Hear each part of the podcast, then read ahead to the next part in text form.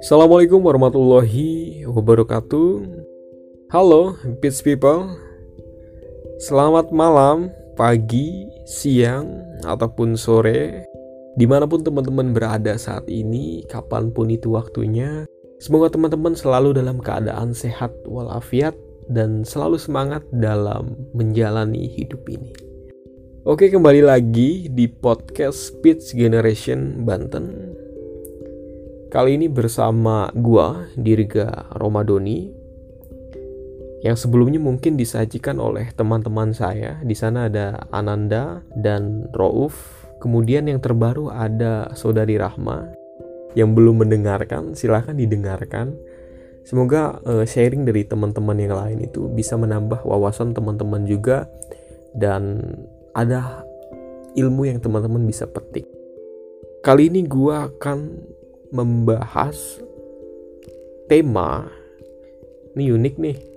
Berbeda tapi tetap berteman. Mungkin lebih khususnya berbeda keyakinan tapi tetap berteman. Oke seharusnya emang seperti itu.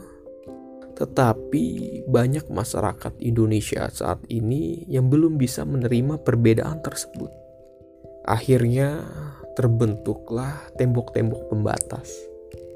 Sampai saat ini masih ada dan ya di sekeliling-keliling kita juga mungkin masih bisa menemukan hal-hal tersebut. Jujur gue pribadi rindu sekali masa anak-anak. Rindu banget. Yang belum banyak mengerti akan hal-hal aneh.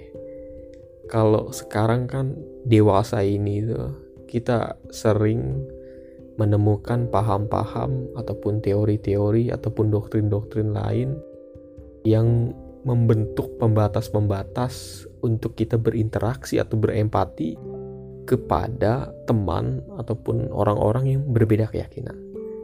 Makanya gue rindu masa anak-anak yang memang ketika berteman ya udah berteman aja gitu. Gak ada gue nanya eh agama lu apa. Gak ada gue nanya eh adat lu gimana sih gini-gini. Ketika gue tahu dia berbeda kita musuhan. Tapi kalau kecil lu kan plong. Tapi kalau sekarang rasanya seperti itu.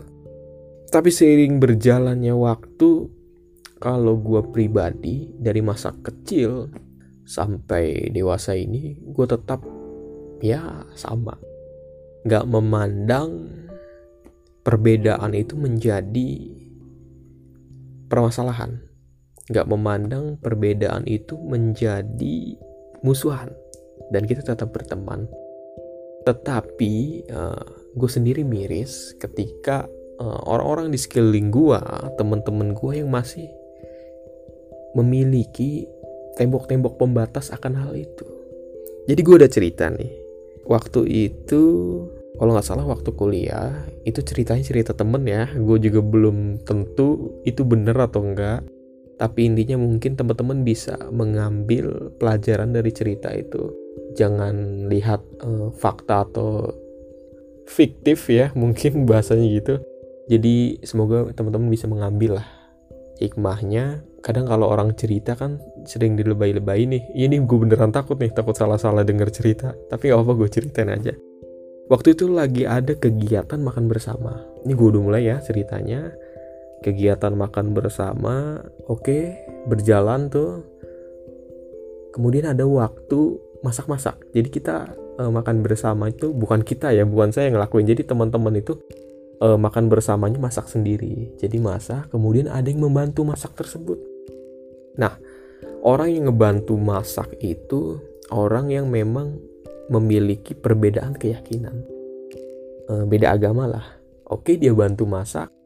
Uh, mungkin selama dia masak kali nggak uh, ada yang berani negor ataupun apa akhirnya masakan itu jadi di tangan dia. Oke, masakan jadi, kemudian dihidangkan ke teman. Eh, ketika dihidangkan, ternyata ada satu orang yang berbicara eh jangan makan makanan itu deh. Itu dimasak oleh si si Anu gitu kan. Nah mungkin kalau dari cerita itu yang ngomong itu kedengar sampai ke telinga yang masak. Tuh gimana perasaan tuh? Itu nggak ada yang makan loh katanya nggak ada yang makan makanan itu dan ya begitu. Karena yang membilang itu uh, senior lebih di atas ratingnya. Tuh gimana? Lu denger kayak gitu? Padahal dia niat baik ngebantu masak. Nggak ada ditambah-tambahin apa. Ya murni murni tenaga dia mungkin murni pengetahuan dia tapi ketika jadi seteganya bilang seperti itu. Ya kalau gua berpikir ya miris gitu kan di mana gitu letak hatinya. Ya kalaupun memang dilarang mungkin ada paham dia yang seperti itu eh, tidak siogianya kali ya membicarakan langsung di depan orangnya gitu. Ya miris ya. Balik lagi entah itu cerita itu atau benar tapi gua bisa uh, teman-teman mungkin bisa mengambil uh, makna tersirat ya. Apa pun itu ya terserah teman-teman nanggepnya gimana. Itu ceritanya. Oke itu di sekeliling kita tuh. Itu hal-hal kecil eh, orang-orang yang berpendidikan malah notabene teman-teman kita masih memiliki pembatas-pembatas tersebut. Nah kalau berkaca ke dunia luar itu justru masih banyak. Lebih parah malah sampai perang berdarah pun ada.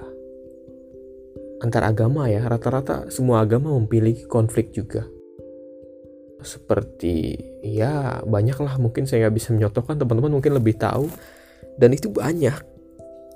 Eh, ya kalau saya pribadi ngelihatnya uh, miris gitu. Apa nggak berpikir bahwa perbedaan tuh indah gitu? Uh, manusia diciptakan dengan berjuta-juta perbedaan justru itu memberikan warna tersendiri justru itu uh, membuat kita berpikir akan keadilan Tuhan. Coba lu bayangin ketika di dunia ini semuanya sama. Apa-apa sama, keyakinan kita sama, ya akan monoton. Dan memang Tuhan menciptakan ini ya dengan kebijakannya, uh, maha bijaknya ya, kemudian keadilannya. Jadi jangan bilang uh, ketidakselarasan itu lu bilang itu harus sama gitu kan. Ya nggak boleh gitu. Ya gue berpikir di Indonesia ini dari dulu sampai sekarang ya hidup dalam perbedaan. Beda adat budaya suku pun banyak bahasa agama banyak. Ya disatukan dengan kebinikaan itu dari dulu loh nenek moyang kita. Sama-sama menyatukan. Tapi dengan binika tunggal ika ya tapi sampai sekarang sampai detik ini uh, belum bisa memaknai binika tunggal ika ini. Walaupun negara luar memandang kita negara yang rukun dalam perbedaan. Jadi kalau di negara lain itu sering ribut kalau perbedaan. Kalau Indonesia banyak perbedaan uh, bersatu. Tapi kan namanya tidak sempurna dan orang luar melihat dari sisi luarnya saja ternyata di dalamnya masih banyak konflik-konflik kecil, perpecahan-perpecahan kecil yang ya mungkin kita nganggap itu biasa tapi lama kelamaan impactnya besar juga. Oke, seperti itu tadi gue udah cerita ya eh, pengalaman gue melihat akan hal itu, kemudian berkaca pada dunia luar dan sedikit memberikan atau menarik kesimpulan dari yang di atas. Ya kita sebagai manusia janganlah terlalu memerdekakan orang lain. Jadi jangan kita terus mau memerdekakan orang lain. Jadi fokus saja untuk memerdekakan diri sendiri. Jadi jangan lu ya masuk ranah orang lah. Itu ranah dia, lu mau nguasain juga udah sih lu fokus memerdekakan diri lu, fokus mimpin diri lu aja dengan bener. Jadi lu jangan masuk-masuk ke ranah orang dan ya harus sama, ya nggak mungkin lah otak kita aja berbeda didikan aja berbeda. Jadi pemahaman pemahaman itu ya ya nggak harus sama. Ya simpelnya keyakinan gue ya keyakinan gue keyakinan lu ya keyakinan lu. Ya itu udah simpen. Itu hak privasi dia itu hak hak dia. Mungkin itu takdir dia yang memang waktu kecil dilahirkan dengan keyakinan seperti ini keyakinan seperti ini kita nggak bisa memilih. Ya udah gitu kan itu emang kalau dia mau berubah ya syukur. Kalau enggak ya udah. Di samping itu yang penting adalah memupuk kualitas dalam pertemanan. Jadi nggak usah mikirin latar belakang apa itu nggak usah. Yang penting dia punya attitude yang baik dalam berteman punya kontribusi yang baik dalam berteman juga bermasyarakat ya udah. Dirangkul. Nggak ada agama itu. Iya nyaranin beda musuhan. Nggak ada ketika beda oh, jangan tuh beda kita tinggalin yuk atau kita bunuh aja. Kagak ada agama. Gue rasa semua agama sama-sama merangkul ajarannya baik. Ya ya udah itu pesan gue tuh. Pokoknya itu aja ketika lu berbeda ya tetap berteman. Hargailah perbedaan orang lain. Hargai ya. Jangan sampai kayak cerita gue di atas. Ya kalau emang itu paham lo jangan sampai lo ngomong di depan publik eh, hargai perasaan mereka kita hidup di Indonesia ini dengan kebinekaan eh, disatukan dengan kebinekaan dengan banyak perbedaan dan lo harus menghargai itu apa pun itu ya. Maupun mayoritas ataupun minoritas. Ya sama-sama harus saling menghargai. Kalau ingin negara kita menjadi negara yang memang-memang ya besar lah. Gue rasa negara yang besar ya dimulai dari masyarakat yang mau memuliakan sesama ya. Jadi nggak memandang apa pun itu oke sebenarnya gue masih banyak ingin bercerita tapi ya terbatas waktu mungkin itu saja gue akhiri mohon maaf apabila ada salah-salah kata atau suara gue kurang jelas.